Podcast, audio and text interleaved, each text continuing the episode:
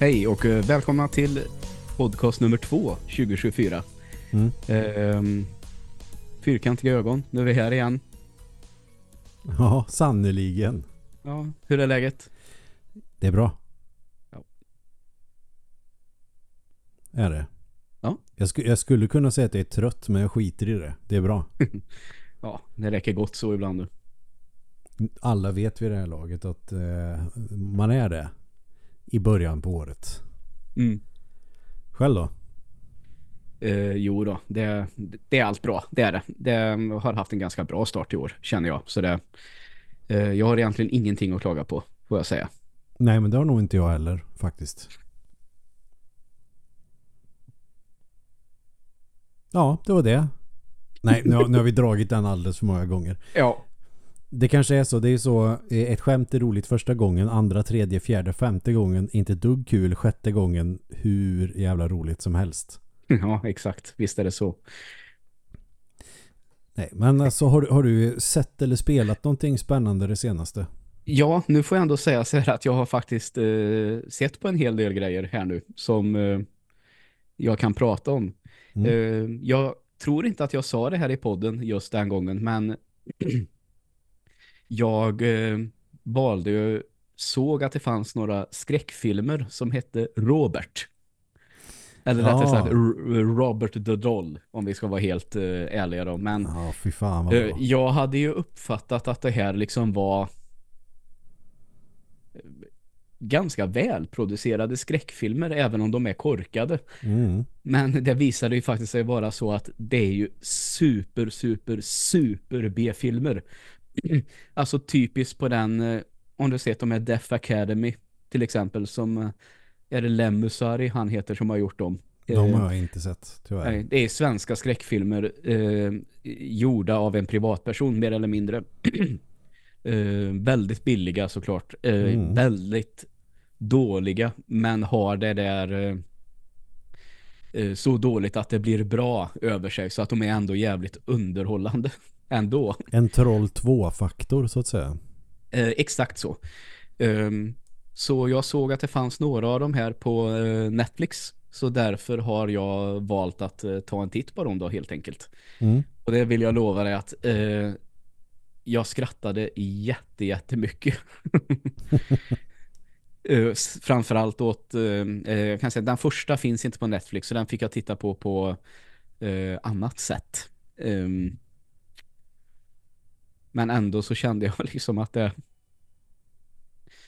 Oj, nu tappar jag tråden lite. Vänta lite.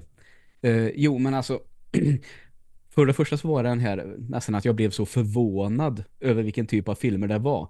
Mm. Eh, som jag sa att eh, det är en engelsman som har gjort dem eh, och han har också med sina filmer till skillnad från Daniel Lemesari som liksom gör en ny story varje gång, typisch. Mm. Liksom byggt upp en hel sån här franchise kring den här dockan. Så de första två, ettan och tvåan, eh, det är väl en familj som hittar den här dockan. Eh, den mördar alla och eh, någon annan får skulden. Mm. Och sen är tvåan en rak uppföljare på den. Men sen så nästlar han sig in i såna här prequels och det är med nazister och sen blir det KGB och kalla kriget och så den här dockan den är liksom med om allting. och det får man säga, de blev de blev väl sämre och sämre och mindre och mindre roliga under hela seriens gång. Okej. Men eh, jag säger att de två första, där tycker jag, där finns det faktiskt en behållning om man gillar det här så så dålig att det i alla fall blir roligt, om inte Mm. bra.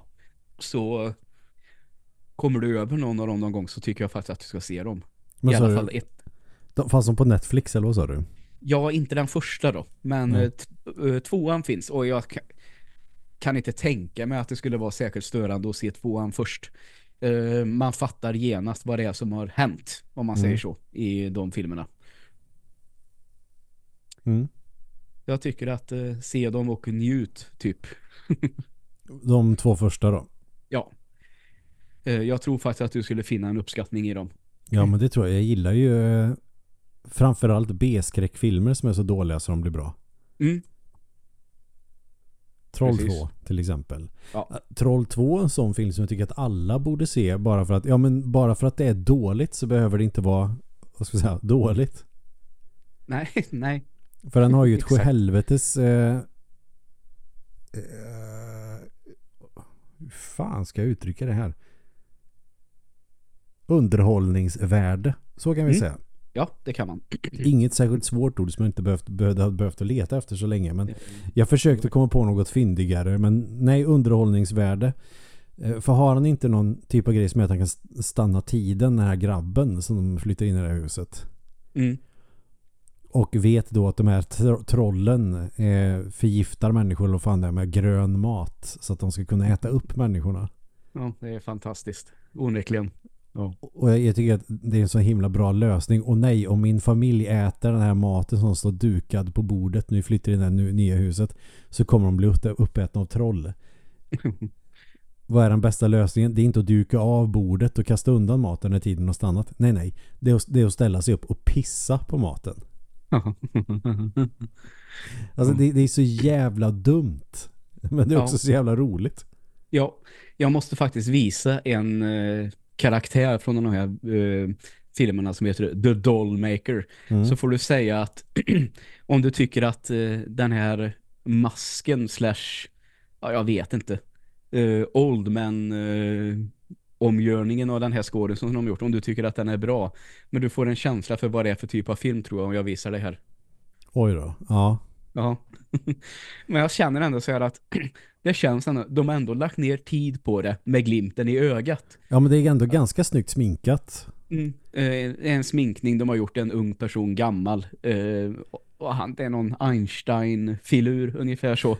Det är ganska klassisk look också det här med att eh, skallig men så här halvlångt hår på sidorna så är lite galet Mm. och eh, långt pipskägg och glasögon som sitter långt nere på näsan. Mm. Så det är ju då han som eh, eh, kan man säga är Roberts pappa.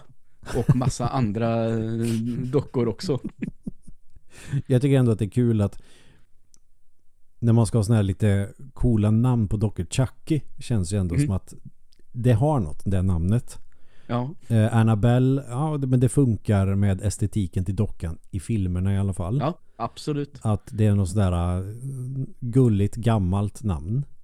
Sen Mm. ser ju den riktiga dockan inte alls ut som i filmerna, vilket också är ganska kul. För den riktiga dockan är mycket, mycket, mycket äckligare.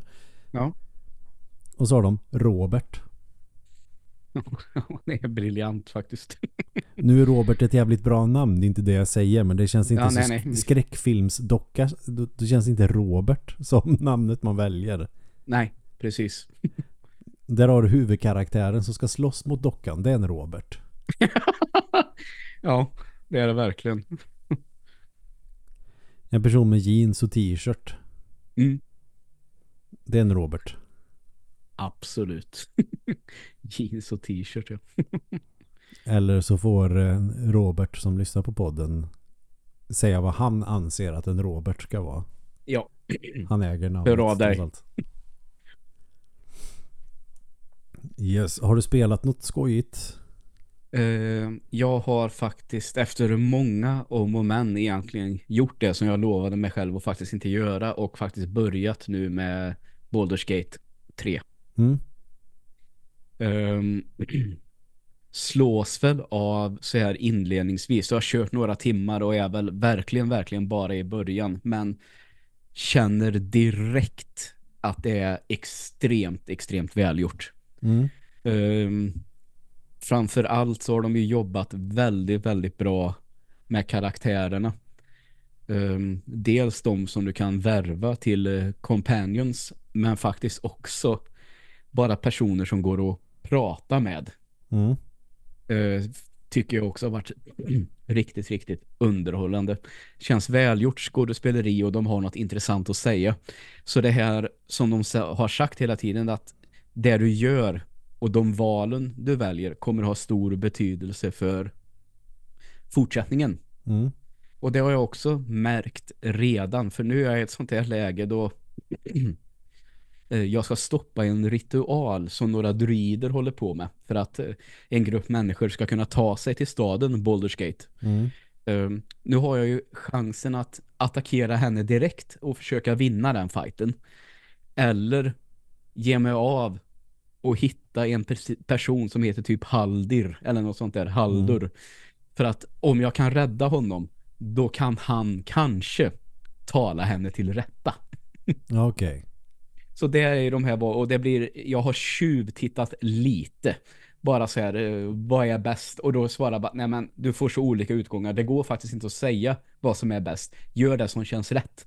Så liksom det fanns ingen sån här logik, alltså att man hela tiden ska kunna fråga någon vilket är det bästa valet. Mm. Nej, för det, du får så olika saker av de valen du gör att det är omöjligt att säga vad som är bäst. Utan du får välja helt enkelt. Mm. Så det känns väldigt välgjort ur den bemärkelsen. Eh, sen känner jag väl säga att jag har tyckt att det har varit ganska svårt redan från början med en del fighter och så. Men jag tror att det framförallt är för att jag känner att jag inte riktigt har kommit in i tänket med det här liksom Dungeons and Dragons eh, regler och så vidare. Mm. Utan det jag har gjort nu då, nu spelar jag inte igår utan satt och läste på lite ja, ehm, vilka attacker som kan fungera i de här reglerna. Mm. Ehm, och tyvärr får jag säga, det här är ju den eh, femte versionen som reglerna går, men gud. Mm. Som reglerna går efter i, i det här spelet. Och vilket betyder att det är väldigt hög bonus tror jag till exempel för sneak och sånt där. Och det är Mm. ju inte riktigt min grej att spela med sånt. Så det var ju lite synd. Men eh, Då låter det Eh. som att det är gjort för eh, mig mer. Mm. Eh, just nu så, men det. alltså nu känner jag sig, jag lägger ju ingen prestige i sån här svårighetsgrad och sånt längre, utan jag spelar på eh, det som heter balanced, alltså som ska vara som normal. Mm. Och visst är det så att eh, jag känner att jag dör för mycket hela tiden, då kommer jag ju bara att eh, välja att spela på lättaste istället. Jag lägger ingen prestige i det så. Men är det ett sånt spel du kan sänka svårighetsgraden så att den blir lättare och sen så kan du växla tillbaks sen när du har fått eh, kanske lite mer grejer och utrustning och. Eh, ja, så som jag har uppfattat det så är det helt fritt fram att eh, välja sånt. Så det ska inte vara några problem. För jag vet att jag gjorde på Dragon Age några gånger att när jag var trött på att hela tiden försöka lära mig varenda karaktär och i vilken ordning de ska göra vissa typer av attacker. För när de var datastyrda, när jag hade jag orkade inte alltid pausa hela tiden. Vilket man Nej. egentligen ska göra. Och så känner man att man är nära och inte bara, "Nu, okej nu går det bra och sen bara dör man. Mm. Då är det ju inte så konstigt om man då laddar, sänker svårighetsgraden, tar sig förbi den här fienden man redan har försökt göra fyra, fem gånger. Och sen växlar tillbaks.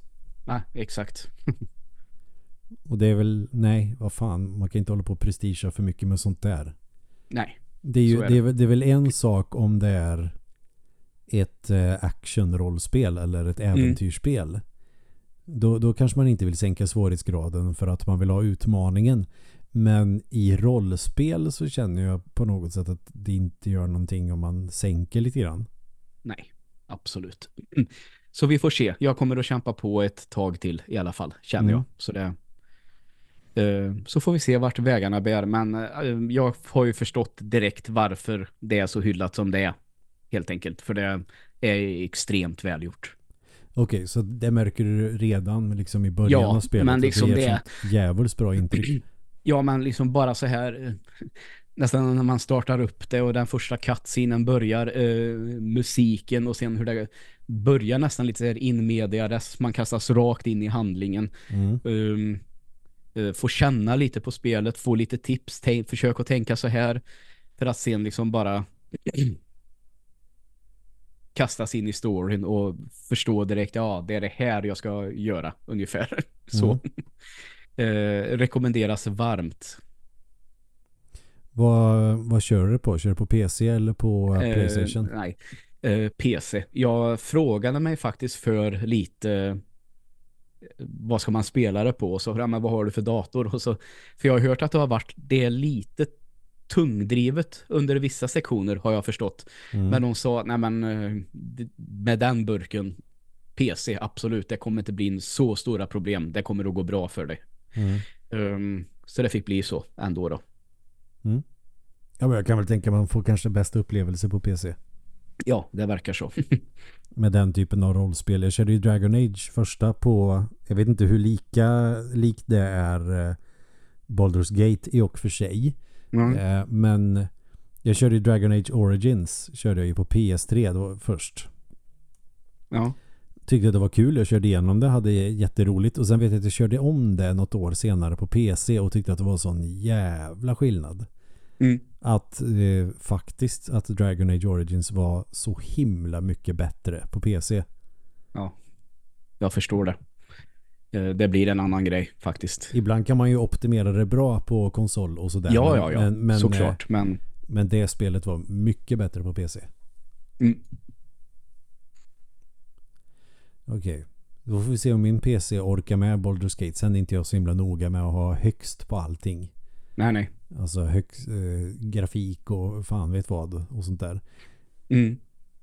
Om spelet är bra så behöver det inte vara det fetaste alltid. Ibland vill jag ha det, men inte alltid. Nej. Ja, nej men då måste jag nog eh, ja, överväga om det är dags för mig att köra det här snart. Ja, det tycker jag du ska. Eh, jag har mm, väl, kommer väl ha anledning att återkomma till det här spelet, känner jag. Ja, är vi, så. Vi, vi får köra sån Ehm, veckovist eh, någon typ av rapport. Hur går till och med det? varannan vecka kanske. till Ja. och med. Ja, det, det spelar ingen roll. Men okej, hur går det i Baldur's Gate? Mm. Baldurs gata. Det hade varit jättekul om det kom fram att nej, nej, nej, det här, det är en, titeln är på norska. Ja, ja, det hade varit kul. Vad dumt.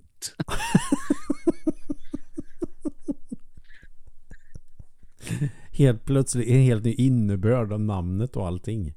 Mm. Nej, nej, nej, ni har fattat fel hela tiden. Det, det här är Balders gata det här. Alltså, det, det, det här är ju nordisk mytologi. Har ni inte fattat det? Mm. Ja, jag tar mig vidare i min backlog i alla fall. Ja, Eh, kanske påbörjar någonting nytt också förstås. Eh, för jag kör lite Final Fantasy 2 nu. Mm. Inte Gött. två, inte två som det är till Super Nintendo. Jag tror de flesta fattar det i och för sig. Eh, utan, fast remaken då på Playstation 1. Alltså för Mm. Final Fantasy Origins-versionen. Eh, och man märker ju ganska tydligt att de var rätt tidiga ändå med ett storydrivet sätt att göra den här typen av spel på. mm. Eh, för redan på andra spelet så tycker ändå att de börjar med lite mer komplicerad story. För sin Ja, tid, okej. om inte annat. Mm. Jämfört med ettan som är ganska bare bones eh, storymässigt. ja Eller okej. ganska, det är jävligt bare bones storymässigt. Mm. Så det, det tycker jag ändå är lite intressant för det känns som att i om vi kollar, alltså Final Fantasy är ju en ganska stor serie. Alltså Mm. stor som i att det finns väldigt många spel. Ja. Och, och spin-offs och eh, fan vet vad det finns. Eh, första känner man ju till för att det är klassiskt. Det släpptes dessutom i USA. Jag vet inte om det var på 80-talet det kom eller när det var. Så det, det har ju ändå en ganska känd status. Ja. Tvåan och trean förstår man att de inte är så kända för att de inte släpptes i väst förrän ganska långt senare. Eller om du spelade på emulator eh, och så vidare. Eh, Men just tvåan känns så himla bortglömd. Fast den för sin tid är rätt, det är rätt välgjort. Sen är levelsystemet på det lite speciellt. Att du levlar utifrån vad dina gubbar gör. Mm. Så du får inga experience points och sen så får din gubbe eh, x antal poäng i olika förmågor beroende på vilken klass karaktären har. Mm. Utan slåss du mycket med svärd med din karaktär så kommer han att levla sin förmåga med svärd. Ja, okej. Använder du magier så kommer du levla förmågan att använda magi. Eh, åker du på mycket stryk av fiender så kommer du att levla din eh, HP Mm. och så vidare. Så funkar det i Final Fantasy 2. Ja, okej. Och det, kan, det kanske är en sån där grej som gör att eh, vissa kanske inte vill köra det för att det blir lite mer komplicerat i hur du ska utveckla dina karaktärer. Det tyckte jag bland annat när jag körde det allra första gången. Men då var det ju det är rätt länge sedan.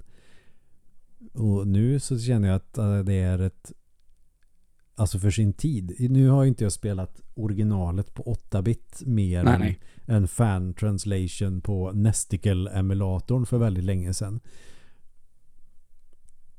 Men det känns ändå rätt djupt för ett så tidigt spel.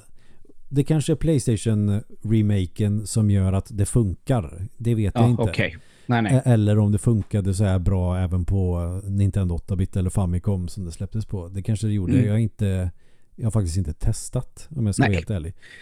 Inte jättekonstigt kanske. Men det är ett ganska kul system att eh, en av karaktärerna har, är en pilbågsskytt och så ser jag att pilbåge gör typ ingen skada, verkar vara rätt värdelöst. Ja men då sätter jag svärd på den personen så får den slåss med det istället och levla det och så funkar det. Mm. Jag har inte upplevt något liksom större problem med det sättet att levla karaktärerna på. Nej. Och sen kan du väl exploita det här lite grann med att oj min jag har kommit ganska långt nu men den här karaktären har inte levlat sin HP sedan några timmar tillbaks. Vilket innebär att den här personen skulle potentiellt kunna bli dödad av ett slag om en fiende fick för sig att attackera just den karaktären. Ja, du ser. Du ser. Eh, Men då kan man väl trixa till det. Ja, men då slår jag ihjäl den med Mm. mina andra karaktärer. Och återupplivar så den har jättelite HP klarar fighten och så levlar en HP. Alltså man kan fulköra lite på det här sättet också. Ja, okej. Och det tycker jag ändå känns ändå som att det är enligt spelets regler så det känns inte som Ja, ett ja, fusk visst. så. Ja. Så då får man göra lite sådana grejer ibland. Men jag tycker fan att det är ganska kul. Storyn Mm. för att vara ett spel från 80 eller tidigt 90-tal ja. är ändå rätt vass. Mm. Fan vad du eh, plöjer igenom Final Fantasy-spel nu. Ja, men jag kände väl lite så i somras framförallt. Mm. Att eh, jag fick ett ryck och körde åttan och sen kände jag men det här var kul. Nu vill jag köra nian för jag inte kört så länge, inte kört på väldigt länge. Eh, tagit mig till slutet på nian men inte klar med det riktigt än. Det var inte så bra som jag kom ihåg nämligen. Aha, okej. Men det är ganska hög lägsta nivå så det är ju jävligt bra men Mm. det är väl vissa grejer som jag känner lite grann att det känns lite trampo- transportsträcka ibland. Alltså, jag blir inte riktigt investerad i, eh, i världen på samma sätt även om den är sjukt charmig. Ja. Eh, och sen har jag väl kört sjuan lite grann men sjuan har jag alltid haft svårt att komma igång med. Mm. Första skivan superbra, alltså sånt mästerverk. Och sen tycker jag att det dalar lite grann. Att, I alla fall mitt intresse gör det. Ja, okej. Så jag blev ändå sugen på de här gamla 2D-spelen. Att Det är ändå där det börjar. Och ettan har... Det är inte särskilt sådär jättebra egentligen. Tycker jag nog inte. Men det har en charm som gör att det är värt att köra igenom det. Ja, okej. Och för att det är ett ganska tidigt spel i den genren. Dragon Quest vinner ju alla de där priserna för att det var det är i alla fall mest känt. För, Ja. Och så tidigt. Men första Final Fantasy har ändå någonting. Ja, bra. Och tvåan har jag aldrig kört igenom till slutet. Jag har kommit nära slutet på Game Boy Advance på den versionen. Jag har kommit nära slutet eller en, eller en bit i alla fall på PSP-versionen. Men jag har aldrig liksom kommit till slutet. Så jag tänkte det får väl fan vara dags nu. Och sen får jag väl ta tag i trean också då. Mm. Och fyran har jag heller inte spelat sedan jag var tonåring när jag tänker efter. Och det har jag ändå haft rätt länge. Det måste jag köra igenom. För det är det man börjar prata på. Vilket är bäst, fyran eller sexan? Ja, okej. Jag kan inte för mitt liv minnas att fyran var så bra att jag kände att det ens kan konkurrera med sexan. Men men då var det också väldigt länge sedan jag körde det. Så om jag kör Mm. idag så kanske jag förstår vad som är grejen mer. Ja, ja, Bra spel har jag alltid tyckt att det är. Men är Mm. det verkligen så är det jävla mega bra som sexan är. Ja. För när jag var i en butik, Mm. en stor gigant med elektricitet, ja. så hade ju Final Fantasy 16 precis kommit ut och så kände jag att det här vill jag väldigt gärna spela.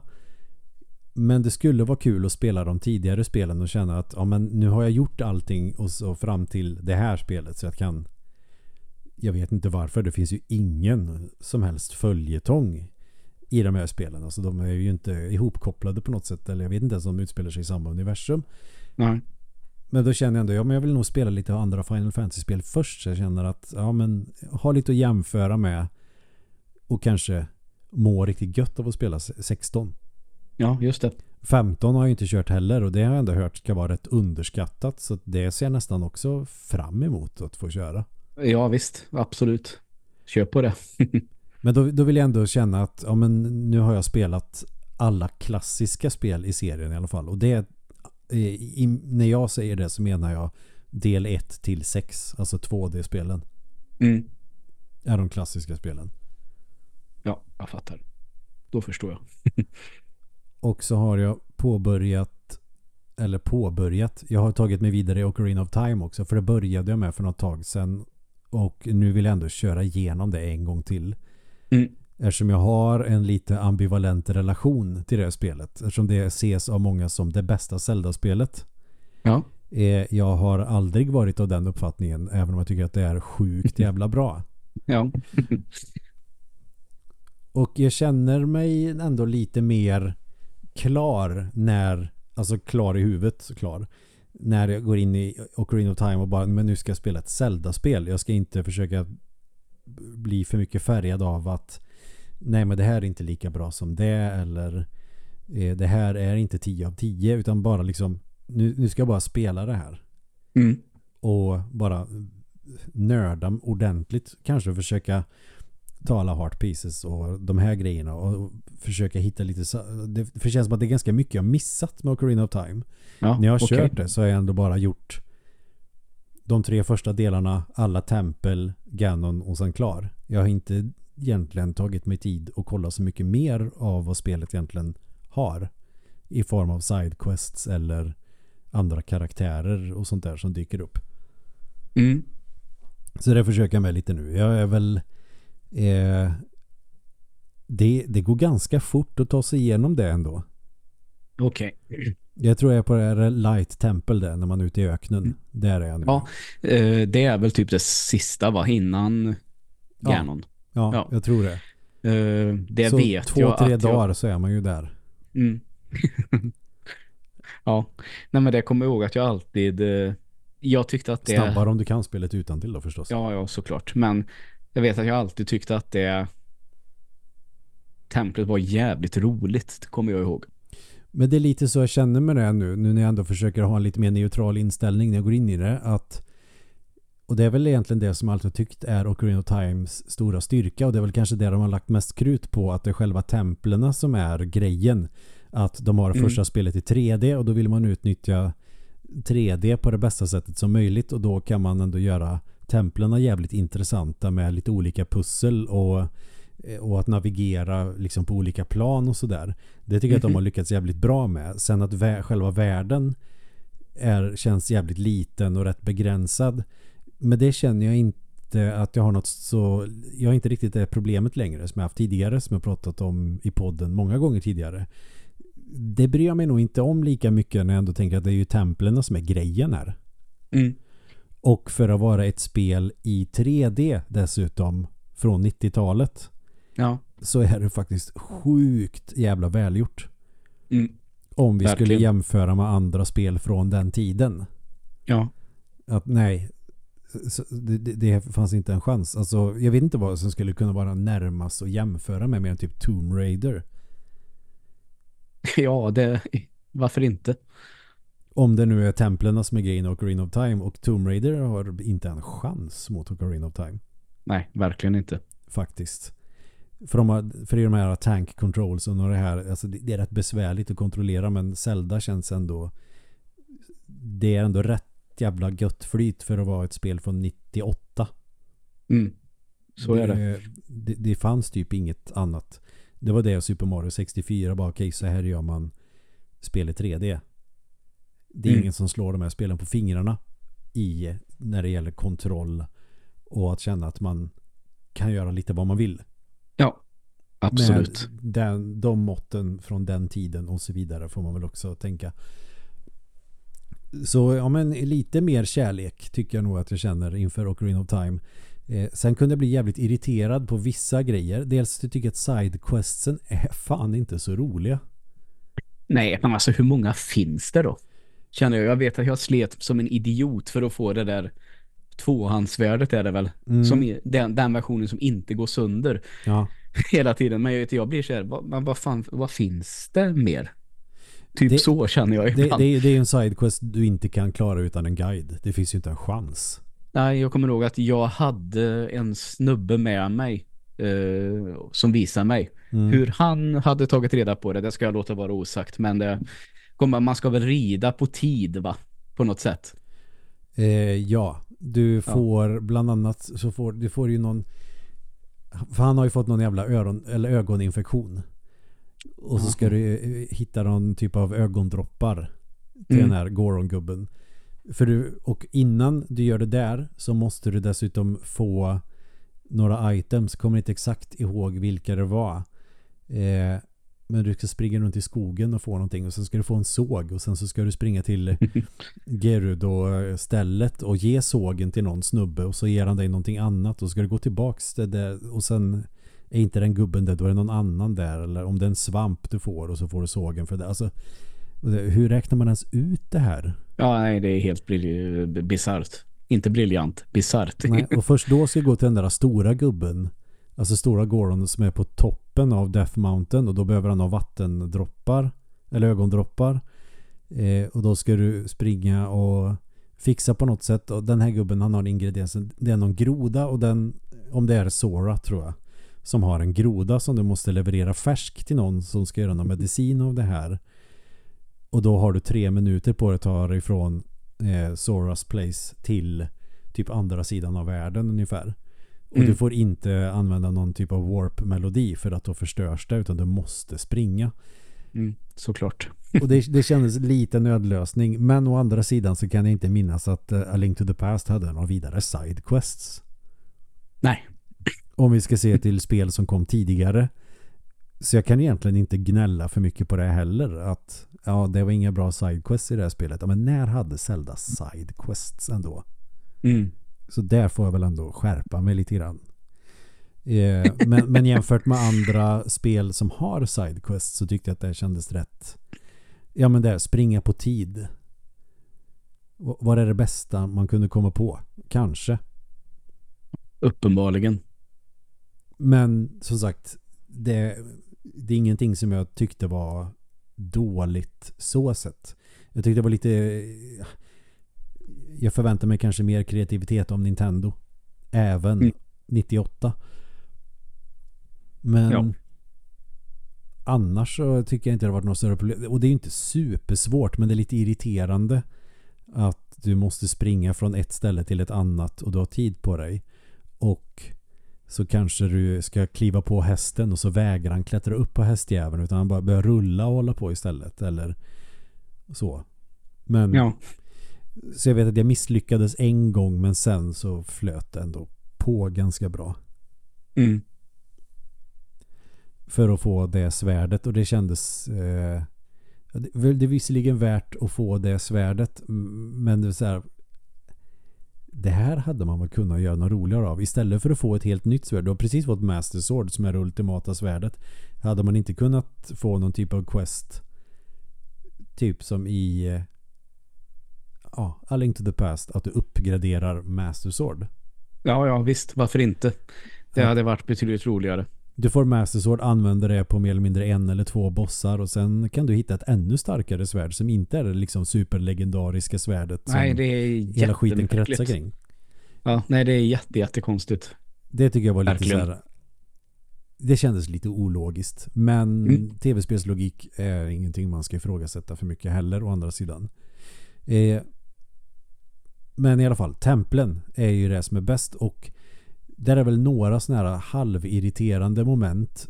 Men å andra sidan eh, ja, kanske inte är några stora problem. Men Forest Temple vet jag att men den här kan ju, den är rolig. Eh, och det här är också ett spel man inte behöver ha guide till när man ska klara vanliga banor. Även om det är lite kluriga pussel men det går alltid att lösa dem med lite egen tankeverksamhet. Det är Ja. inget, det är inget walkthrough-spel överhuvudtaget. Mer än sidequesten för att få Bigoron-svärdet och hitta alla Heartpiece-grejer. För de Mm. tycker jag är så jävla obskyra att jag tror aldrig haft mer än typ en hel rad plus typ tre eller fyra till. Och så märker man att Ja. ah, okej, det måste vara en jävla massa hardpieces i det här spelet. Hur fan ska man hitta dem? Men det är ju skitsamma. Där tycker, men jag tycker att de lurar till det lite i vissa tempel med att vissa nycklar är jävligt gömda. Som i Forest Temple så har du en nyckel uppe i ett träd precis i början. Det är inget som indikerar på att det är så förrän du får kanske kompassen. Mm. Och den får du ganska långt in i templet. Så det vet jag att jag sprang runt som fan och bara Men har jag missat någonting här? Nej det har jag inte. Har jag missat någonting här? Nej det har jag inte. Och bara går i cirklar. Ja, nej, det känns ju inte så väl tänkt på något sätt. Det heller. Eh, nej. Eller om det är mig det är fel på. Jag vet inte. Eh, sen har vi ju Fire Temple. Kul. Eh, bra flyt i den banan. Där har jag inga större problem. Eh, Water Temple vet jag att det är ju känt för att vara sånt där ställe där många fastnar. Eh, det har jag aldrig haft det problemet. Jag har aldrig fastnat i Water Temple någon gång när jag har kört Ocarina of Time. Ja. Däremot så tycker jag att det är jävligt krångligt att du måste ta dig igenom ganska många hinderbanor. Mm. Och så kommer du till en dörr där, är det låst. Ja, nej, det är... Och så kollar man kartan, aha det är en kista som jag hittat i ett rum som man kan se i början av den här av det här stället. Men du kan inte komma dit förrän, förrän du börjar närma dig slutet. Då känner man lite grann, ah, så jag måste ta mig hela vägen tillbaka dit. Det går ju att spela melodin på okarinan, men och sen ska du fixa vattennivån, springa dit, hämta nyckeln, fixa vattennivån och sen springa tillbaks genom det här jävla hinderbanan. Mm. Det irriterade jag mig lite på att det är ganska mycket som känns väldigt hemligt. Ja, visst. Och då flyter det inte på så bra. Men Shadow Temple och eh, Light Temple som jag är på nu jättebra tycker jag. Mm. Så jag, ska nog, jag, jag kan ha i podden vid något tillfälle sagt att jag tycker att Ocarina of Time är överskattat. Mm. Eh, det måste jag fan backa på nu. Okej. Det är det inte. För sin tid så är det ju helt jävla makalöst bra gjort. Mm. Och jag fattar varför eh, såklart det här är mångas favorit. Inte bara att jag fattar det rent intellektuellt utan upplevelsemässigt. Ja, men jag köper att folk Rent intellektuellt. Ja men, ja, men det är klart att det är ett bra spel. Det är Zelda och det är 3D och så liksom, alltså bara så. Men när jag har spelat det med ett mer öppet sinne så bara, ja fan det här är bra. Mm. Det är väl väldigt, väldigt mångas första Zelda också. Jag tror det. Mm. I våran generation framförallt. Ja, precis. Och kanske även eh, den generationen under oss också. Ja. På något sätt. Som liksom kanske fick en 64 ganska sent i Mm. den livscykeln. Eh, Så att eh, om jag kanske har ändrat mig någon gång tidigare i poddens historia, det vet jag inte, men jag kan väl säga det nu då att nej, jag tycker inte att Ocarina of Time är ett dugg överskattat. Det förtjänar all cred som det har Mm. fått. Eh, Men jag tycker verkligen inte att det är bäst. Nej, okej. Det gör ju inte jag heller, så där är vi faktiskt överens. Ja. Men jag har kul med det som fan.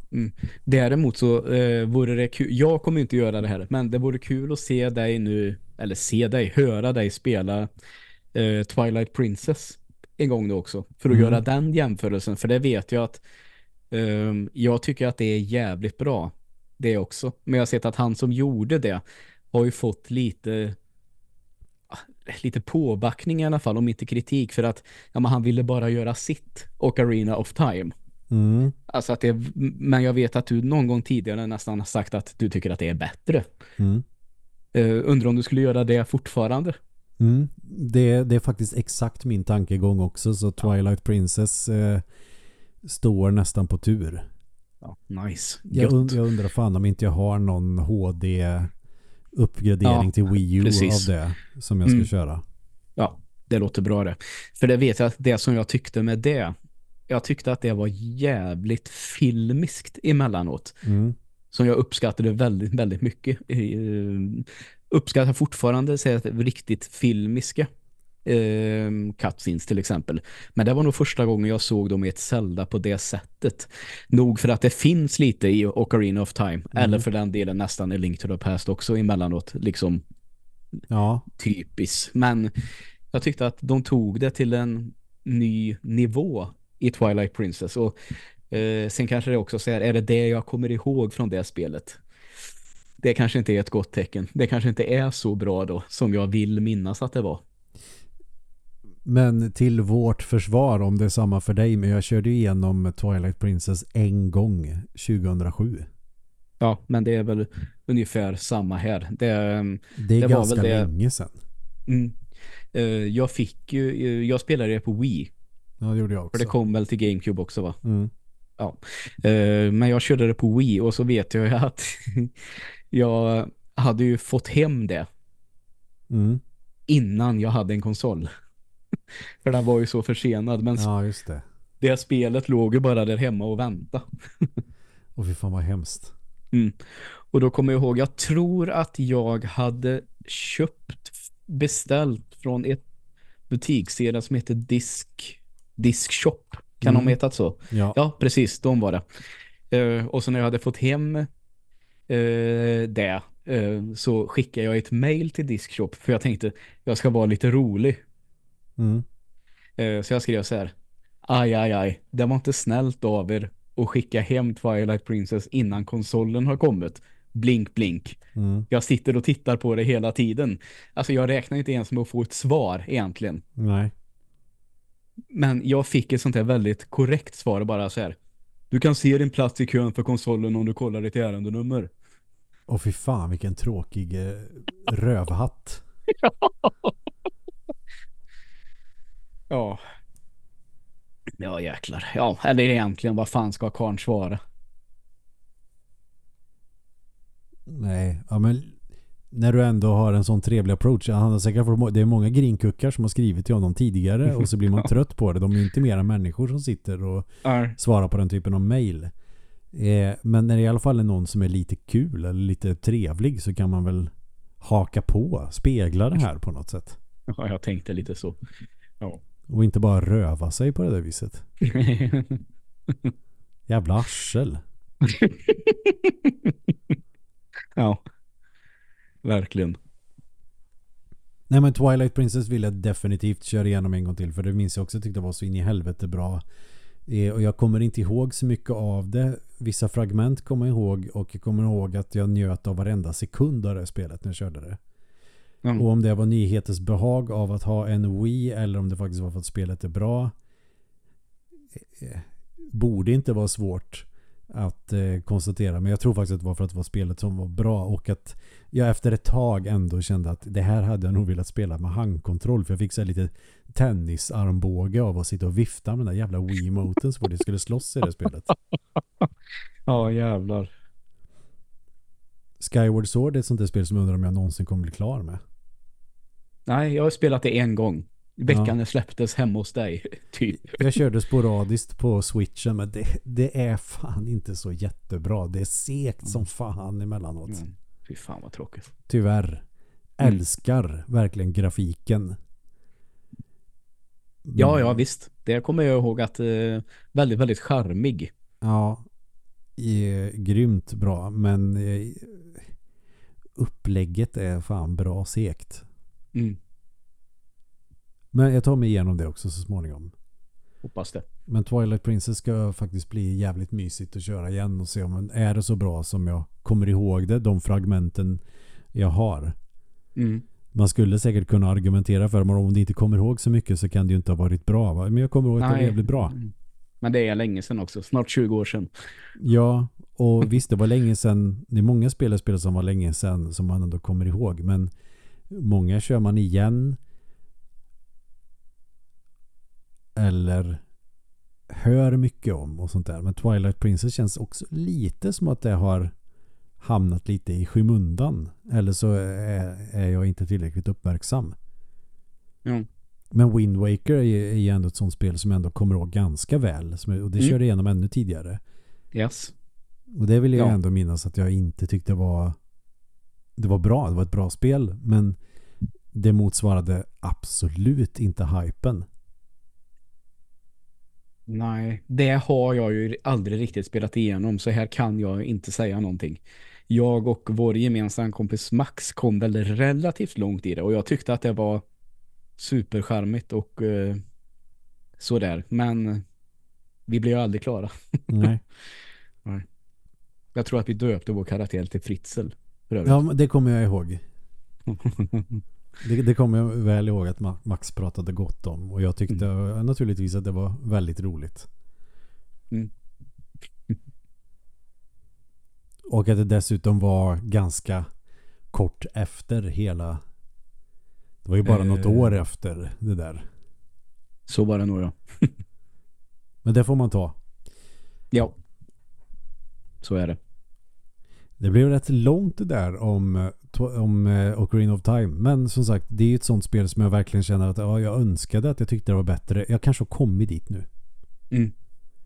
Så Visst, är det nog. Man blir jävligt irriterad på vissa grejer ibland. Det, det är väl Alltså Gerudo Fortress när du ska smyga runt där med de här vakterna, det var inte kul. Nej. Fy Nej. fan vad segt det var. Mm. Och så kom jag på mig själv med att ja, fan vad irriterande med, med vissa kameravinklar ibland när man har den här Z-targeting på. Eh, sen insåg jag att det här är inte på grund av att spelet är gammalt nödvändigtvis. Varenda jävla 3D-spel fuckar upp kameran på det här sättet. Det är ingen som Mm. har riktigt löst det. Och det kanske inte går att lösa. Nej, antagligen inte. Och då var väl ändå Zelda eh, och eh, Mario 64 kanske jävligt tidiga med att i alla fall få det så bra det går att få det. Mm. Vilket gör att jag har än mindre att klaga på egentligen.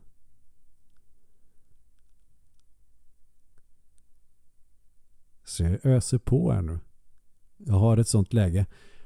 Och sen nu, nu babblar jag på här men det här måste jag ändå få säga att jag eh, blev nyfiken på säsong två av Diablo. Den pågår, det håller väl på i typ två veckor till eller någonting. Ja, just det.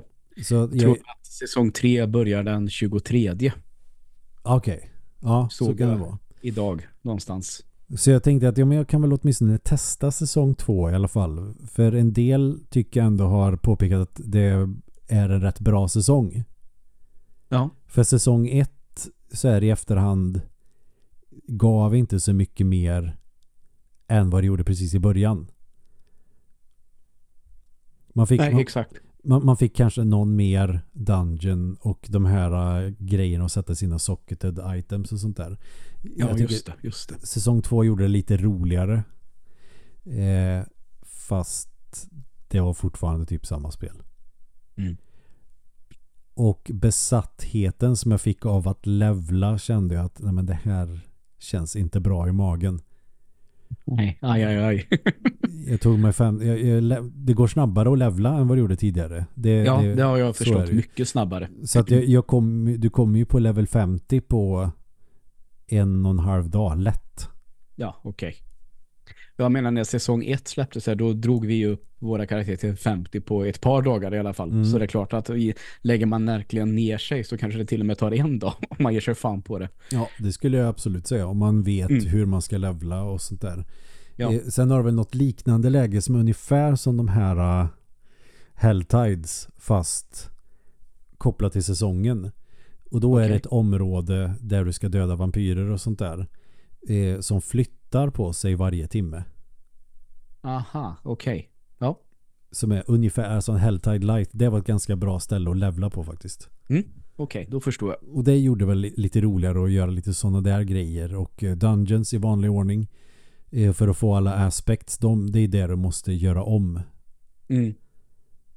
Vilket Hoppas det. och, det, och det är väl rimligt. För alla andra grejer som du får i din renown, det får du ju. Eh, Även om det ser ut som att din renown har resettats. Så är det, Ja. har, har, du får ju bonus exp och guld. Yes. Och sen så får du extra flaskor. De här extra flaskorna eller Paragon Points som du får, de har du om du har gjort det med en annan karaktär. Ja. Det du inte får är de andra bonus exp och sånt där. Och det tycker jag ändå är ganska bra att du får ta om de renownsen för att få bonus exp. Så det gjorde ingenting. Nej, okej. Men eh, ja. Så att om vi hade skippat säsong 1 så tror jag nog att vi hade tagit oss level 100 om vi hade börjat på säsong 2. Men efter att ha kört som en tok i en och en halv dag så kände jag att nej men nej. Jag pallar inte riktigt med den jag blir när jag sätter mig in i det här. Det är en sak om man har sommarlov. Ja, ja Eh, visst. Men inte de sista dagarna på jullovet. Så för att rädda mig själv så avinstallerade jag det. Okej.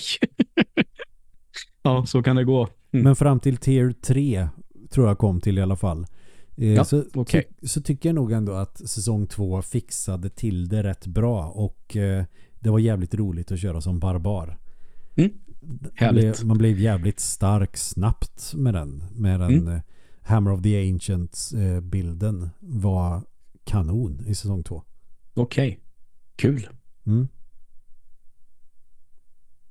Så Ja. det är lite sån rapport. Ja, men jag testade faktiskt Diablo 2 och, eller Mm. Diablo 4. Har jag sagt Diablo 2 hela tiden fast jag menar Diablo 4? Ja, jag har inte ens tänkt på. Nej, då, då ber jag väl om ursäkt om det var någon som blev kränkt. Ja, alltså ja, kul. Men man hinner tröttna. Okej. Jag, jag tror inte att Diablo 4 kommer att bidra med så mycket mer om det inte kommer en expansion. Ja, och den kommer ju i slutet av året. Ja. Så jag tror nog att jag med säkerhet kan säga att jag kommer nog inte orka spela någon mer Diablo 4 förrän den kommer. Nej. Det Om det låter inte- väl ganska rimligt. Om jag inte får ett ryck till sommaren. Men jag är inte, Ja, så, sugen, exakt. men jag är inte så sugen på att ta achievements och sånt där skit i det. Nej. Mm. Ja, ja. Men någonting får det ju bli till när expansionen kommer. Mm. Om det nu inte är så att det blir breaking news. De har tagit bort hälften av alla onödiga damage types till säsong 3. Så nu kan man göra en bild utan att behöva ta en filkand-examen för att förstå hur det funkar. Filkand, ja. Exakt. är det något mer du tänker på som du skulle ta upp? Nu när jag, jag gaggat så förbannat. ja nej, men jag skulle kunna ta upp en sak eh, sådär, lite snabbt. det Att eh, jag har sett en eh, spansk slash sydamerikansk amerikansk film på, på Netflix som Mm. eh, fick väldigt goda, goda omdömen såg jag så här. Så eh, i helgen så tittade jag på Snuns brödraskap. Ja, den har jag nog sett trailer på. Mm. Den handlar ju alltså om den här eh, kraschen i eh, Anderna på 70-talet. Det finns ju en film som heter Alive Mm. som också mm, bygger på den eller är inspirerad av den händelsen. Ja, det, är väl en, det är väl en eh, filmretelling av händelsen. Ja, absolut. Eh, jag vet att jag såg ju Alive kanske jag såg när jag var typ 10 bast och tyckte att den var ganska bra. Mm. Det kan man ju säga att det är ju bara engelska skådespelare den tror jag. De snackar ju engelska. I den här så är ju alla skådisar antingen från Uruguay eller Argentina tror jag det var. Mm. Och eh, har jag läst på också, nästan alla är helt okända. Som är typ deras första skådespelarjobb. Mm. Eh, och den som har gjort castingen till den här filmen, den personen har fan jobbat på bra. För den, det är väldigt bra karaktärer och eller karaktärer, väldigt bra skådespelerska ska jag säga, Mm. som gestaltar väldigt intressanta karaktärer. Sen är det ju så här, det är säkert lite de måste ju bygga någon form av story på det här under Mm. de här månaderna som de här jävla människorna var på det här stället. Ja, fy fan. Jag får ångest när jag Ja, tänker sån på, på det jävla ångest. Ehm, Jag fick ju sig fruktansvärd ångest när jag såg Alive också. Då var jag inte heller Mm. så gammal. Jag var väl också kanske tio. Ja.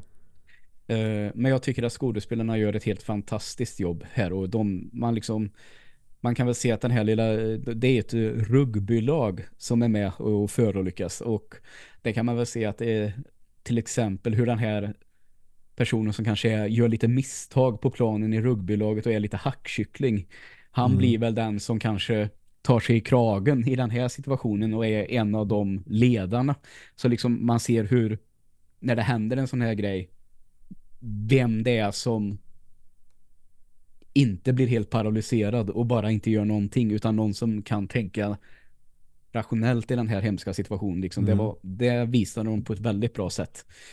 Ehm, men som du sa, den har ju verkligen den här ångesten över situationen de hamnar i. Jag vet att det är någon scen ganska tidigt och det här förstör ingenting för alla vet väl att planet kraschar som vi har sagt. Men Mm.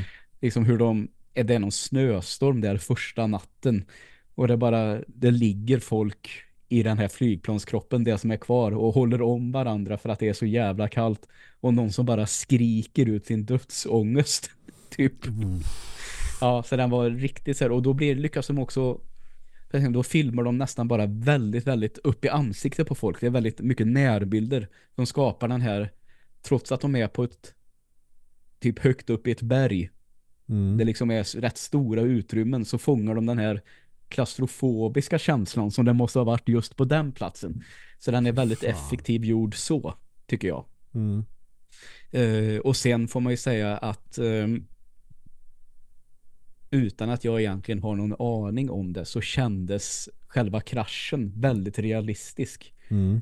Det var liksom det var inte så där Hollywood-spektakulärt om du förstår med Det kändes trovärdig helt ja, enkelt. väldigt trovärdig säger jag, var min magkänsla i alla fall så eh, rekommenderas starkt den här filmen. Det var en riktig nagelbitare och också kul då att eh, eh, den är i och för sig då uppbackad eh, av finansiärer i USA tror jag. Men Mm. eh, ändå att eh, det är en, ska vi se här varifrån var han Den är då? inte så Eh, amerikaniserad. Nej, så, men det är en spanjor som har fått göra filmen. eh, Säkert kan språket och så vidare. Så där. Och, Mm. ja, det har väl gjort sitt och det känns ju mer äkta då, kan jag tycka. Ja, vad fan var det spansktalande personer på det här planet så känns det rimligt att de pratar spanska i filmen. Ja. Eh, Men det är lite intressant det där, för jag kommer ihåg att eh, Måste inte det- vara så, men Nej, det ibland måste så kan inte den vara så, effekten men- vara nyttig. det är verkligen det är svårt att veta när det funkar med engelska i sina olika situationer. Så till exempel, det störde mig inte alls att de inte pratar ryska slash ukrainska i Tjernobyl till exempel. Nej. Det kändes fullt rimligt att den var på engelska. Men det vet jag att någon, någon kollega sa, "Ah, jag tycker det är synd att den är på engelska. Den hade varit ännu bättre ifall Ja, den tyckte jag var så jävla bra ändå. Så jag, Det hade nog det är- fått, varit svårt att få till också. Ja, det tror jag ju absolut att det hade varit. Nej, men som sagt, det det är svårt att tänka sig ryska ju- filmer som har slagit internationellt. Ja, nej, exakt. Med skådisar Men- då, tänker jag. Ja, nej men ibland, ibland funkar det utan problem och ibland kan det finnas ett irritationsmoment. Nu kan inte jag påstå här och sitta och säga att jag någon gång har stört mig på Alive så. Men Nej, eh, nej. det blev väldigt bra att den var på spanska den här i alla fall. Mm. När de gjorde om den, det tycker jag. Det är väl det som ska till bland annat då för att man ska kunna göra en remake på den. För originalet Mm. funkar väl ändå. Ja, ja visst. Ja, jag, jag tror nog faktiskt inte att jag kommer att se den för att jag får bara ångest när jag Ja, tänker ja, ja. på det. Förstår. Sen kan jag tycka sånt är kul som Flugornas herre eller den där tv-serien som har totalt mega glömt bort vad den heter nu bara för det. Med det här fotbollslaget som eh, kraschar och bor i någon stuga ute i vildmarken. Ja. Nej, jag vet inte fan. Nej, jag, vet, jag, jag har totalt glömt bort den. Jag har ändå kollat väldigt intensivt på den så jag tycker att den är kanon. Men nu när vi sitter och har tryckt på rekord då bara försvinner namnet. Men då får det väl vara så. Eh, den tycker jag också är bra men den visar ju också, där är det ju två historier parallellt med varandra. Dels när de är fast i den här stugan och det är vinter och det är kallt som fan. Men också så får man ju se livet när de är vuxna och vad som händer. Så att då Mm. funkar det. Hade det bara varit när de är instängda i den där stugan så hade jag nog fått lite panik faktiskt. Ja, fy fan. Jag såg här nu två, två och en halv månad efter kraschen hittades planet och de överlevande. Alltså överlevnadsinstinkten hos människan är ju helt jävla fenomenal. Det får man ju ändå säga. Ja. Ja, Jag jag vill inte ens tänka på, eller som de här i Thailand som var fast i en grotta hur länge som helst. Ja. ja. Ja, fatta hur man ska må efteråt. Ja. Stunden du blir befriad är nog väldigt euforisk, men sen när du inser vad det är du har varit med om. Uff. Ja, jag hoppas att jag aldrig behöver uppleva något sånt. Nej, det får vi väl tro. Ändå. ja, nej nu har jag ingenting mer att ta upp idag i alla fall. Nej, inte jag heller. Ja. tycker vi har gastat på rätt bra ändå. Mm, absolut. Men, eh, eller jo, det var en grej till. Ja, vad då? Men det blir sista jag lovar. Ja. Och det är eh, att eh, The King of Monsters i Super Nintendo var Ja. ändå ganska nära arkadversionen faktiskt. ja, nice. Det var roligt. Mm. Kan rekommendera alla om man vill spela ett bra beat em up från den Mm. tiden. Känns lite som att man inte riktigt känner till det. Knights of the Round känns det ändå som att många har kört. Mm. Eh, jävligt bra beat em up. En väldigt bra, vad ska man säga, Super Nintendo motsvarighet till Golden Axe eller hur man ska uttrycka det. Okej. Och eh, Final Fight och så vidare. Mm. Eh, King of Dragons känns som att man inte riktigt har hört talas om riktigt på samma sätt. Men det pratade och för sig om förra veckan. att jag- Men nu har jag testat det och eh, det är fan kul alltså. Ja. Eh, borde kanske få lite mer erkännande. Och nu ska jag säga det som alla inom citationstecken tror att jag ska säga. Och det är att jag vill tacka alla tre gånger.